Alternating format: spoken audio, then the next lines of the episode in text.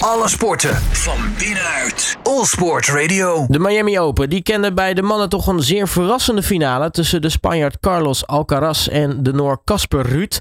En het 18-jarige Spaanse toptalent wist ook nog eens een keer van Ruud te winnen en maakte de verrassing daarmee nog groter. Nu de toernooi in Miami voorbij is, begint ook het Europese gravelseizoen weer. Ik ga erover in gesprek met uh, tennisjournalist Jon Visben. Jon, hele goedemiddag. Goedemiddag Robert. Ja, laten we allereerst eh, beginnen met die finale tussen uh, Alcaraz en uh, Ruud. Twee jonge jongens. Al is Alcaraz natuurlijk nog jonger, 18 jaar. wordt, wordt al bestempeld als toptalent. Ja, en hij maakt het gewoon waar, want hij wint gewoon die Miami Open. Ja, dat mag je wel zeggen. Hè? 18 jaar, hij wordt, in mei wordt hij 19. als je ziet wat deze jongen op de, op de baan legt, zeg maar aan energie en vuur en, en slagen. Nou, dan uh, maak je borst maar nat, zou ik zeggen, als ik de concurrentie was. Want uh, ja, dit is toch een potentiële nieuwe nummer 1 in de toekomst. hij schiet trouwens al aardig op na zijn overwinning. Hè. Zijn, zijn eerste Masters-titel, zeg maar, bracht hem op het randje van de top 10. Hij staat op de nieuwste ranking staat hij 11e nu. En ja, het is gewoon wachten tot hij, tot hij verder doorstoomt. Want zijn geliefde Gravel komt er nu aan. Ik, ik, was toevallig een paar jaar geleden, in 2019, in Spanje, vlak in de buurt waar hij is geboren en zeg maar is opgegroeid. En daar sprak ik een oud, oud speler, oud top 10 speler, Almagro, Nicolas Almagro. En uh, die zei toen al, uh, nou maandje toen was hij 15, ja let op dat ventje, want uh, hij komt hier uit de buurt, maar die kan tennis als de beste.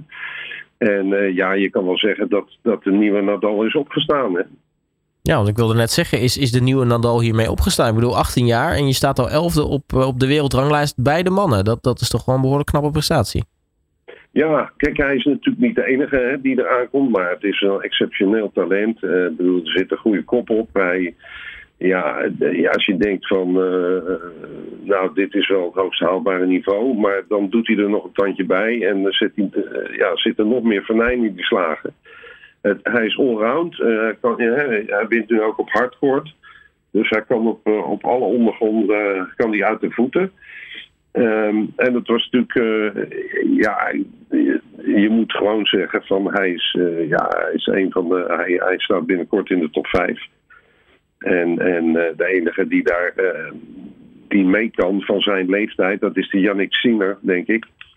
Die moest helaas geblesseerd opgeven. dus ook een jongen om in de gaten te houden, maar deze, dit is een exceptioneel talent, mag je wel zeggen. Ja, en dan uh, zijn tegenstander in de finale was Casper uh, Ruud, uh, een Noor. deed vorig jaar eigenlijk al, al, deed het eigenlijk al heel erg goed. Um, maar daar zit ook nog een kleine verrassing aan. Want eigenlijk had niemand verwacht dat hij die vorm nog zou doorzetten of misschien er een stapje bovenop zou kunnen doen. Nee, waar, waar Alcaraz dus onderweg naar, die, naar de winst, onder andere van Stefanos uh, Tsitsipas won. Daar versloeg Casper Ruud Alexander Zverev, nummer drie van de wereld, op weg naar de finale. En uh, ja, hij bevestigt eigenlijk uh, zijn doorbraakseizoen. Hij won vorig jaar liefst vijf titels. En uh, pakte tot nu toe eentje in Buenos Aires.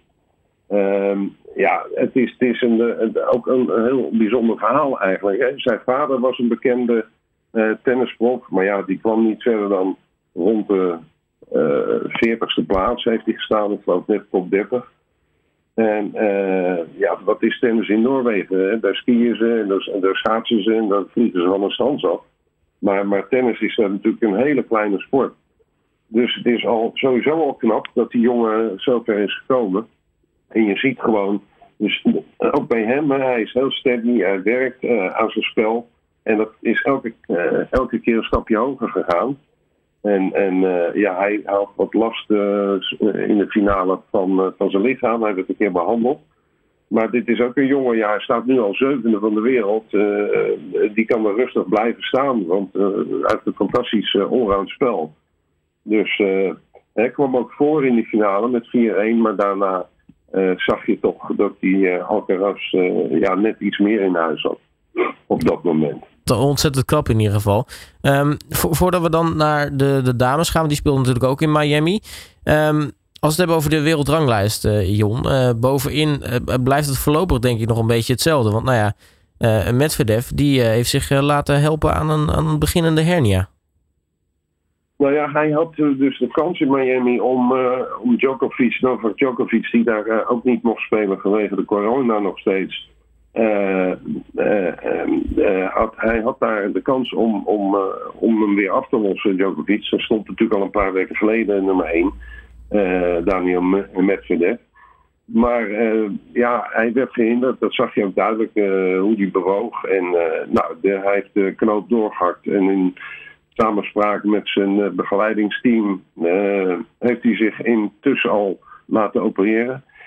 En uh, naar eigen zeggen is hij er een week of zes uit. Dat, ja, dat betekent dat hij misschien wel of misschien net niet aan Roland Garros kan meedoen. Hè. Dat begint de 22 mei. maar hij mist natuurlijk ja, al die gravel toernooien. Wat nu gaat, op punt staat van, van beginnen. Dus Djokovic zal voorlopig, ja, heeft wel wat punten te verdedigen natuurlijk, maar normaal gesproken uh, blijft hij de komende weken nog nummer 1. Er zit maar 10 punten tussen. Dus als Djokovic ergens punten laat liggen door niet zeg maar zijn, zijn resultaat van vorig jaar te evenaren, maar blijft steken in, eerder in het toernooi, dan kan het zomaar zijn dat die Medvedev vanuit uh, zeg maar de fitnessgym, waar die aan het herstellen is, toch weer nummer 1 wordt. En dat is een beetje ongewis. Hangt ook van Djokovic af hoe die het gaat doen. Ja, want uh, zonder te spelen toch nummer 1 worden of, of de nummer 1 positie houden zonder te spelen, dat, dat, dat kan natuurlijk bij de dames ook. Want zo zie je maar dat uh, Ashley Barty een paar weken geleden aankondigde per direct te stoppen met de tennis nog steeds op de nummer 1 positie staat. Maar dat wel Swiatek eigenlijk nu die nummer 1 positie gaat overnemen. Doordat ze het toernooi van Miami gewonnen heeft.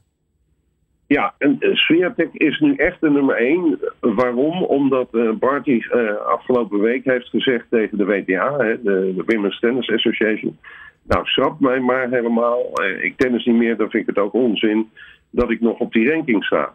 Dus dat betekent dat zij eruit is gehaald. En uh, betekent automatisch dat uh, de Poolse IK Swiatek ja, nu nummer 1 is uh, van de wereld. Nou, dat heeft ze met verve laten zien dat ze die positie ook verdient. Want ze is inmiddels 17 partijen op rijen ongeslagen. won het toernooi van Doha en nu de dubbel zeg maar, in Amerika, in Wells en Miami. Dus ja, het is, ze, heeft echt laten zien van, nou ja, oké, jammer dat je gestopt bent. Maar ik, uh, ik sta nu op en ik ben nummer 1 van de wereld. Is trouwens de eerste speelster uit, uh, zeg maar, die na 2000 is geboren, die uh, die positie nu in handen heeft. ze is pas jong, ze is van 2001, ze is 21. Dus ja, het is ongelooflijk. Ze speelde de finale in Miami tegen Naomi Osaka. En dat is misschien ook wel een kleine verrassing. Want die ja, heeft natuurlijk een, nou ja, überhaupt al een, hele turbulente paar weken, maanden achter de rug. Ja, Naomi Osaka kan natuurlijk verschrikkelijk goed tennissen, maar die uh, heeft steeds toch problemen in de hoofd. En dat speelt er enorm parten. daardoor verloor ze ook heel vroeg alweer in India Wells. En iedereen dacht, nou ja, dat is, hè, ze neemt weer een pauze of wat dan ook. Maar wat heeft ze gedaan? In plaats daarvan heeft ze een, soort psychotherapeut in de arm genomen. En dat werkte kennelijk wonderwel, want ze is inmiddels afgezakt naar plaats 77, meen ik. Uh, ze heeft toch al vier Grand Slam toernooien gewonnen. Maar uh, ja, die, die speelde goed, zoals we van haar gewend waren.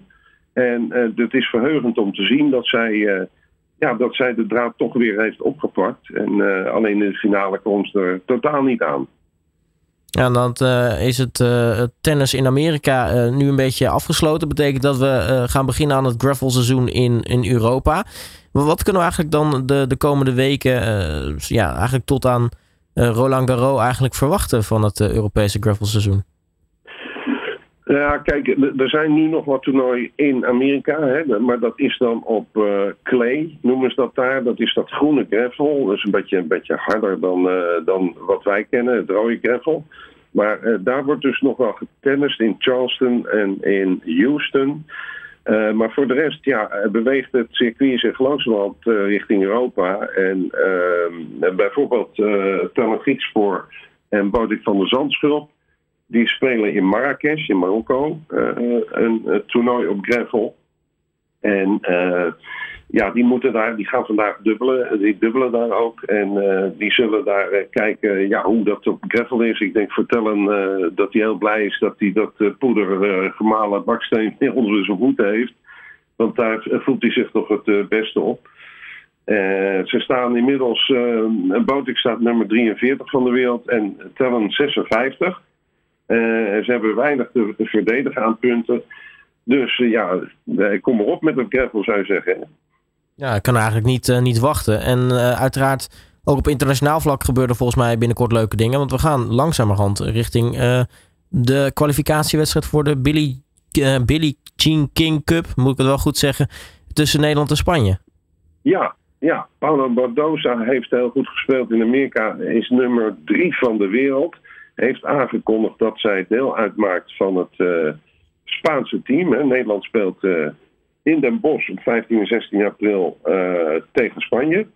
Dus zij is erbij, in tegenstelling tot haar landgenoot Garbine Muguruza. Die heeft worstelt met een blessure. Die heeft zich afgemeld voor het Spaanse team.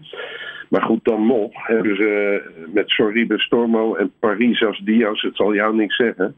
En mij ook niet zo gek veel, maar dat zijn toch meiden in de, die staan rond de 50. Ja, en, en Nederland, uh, Rus is de beste.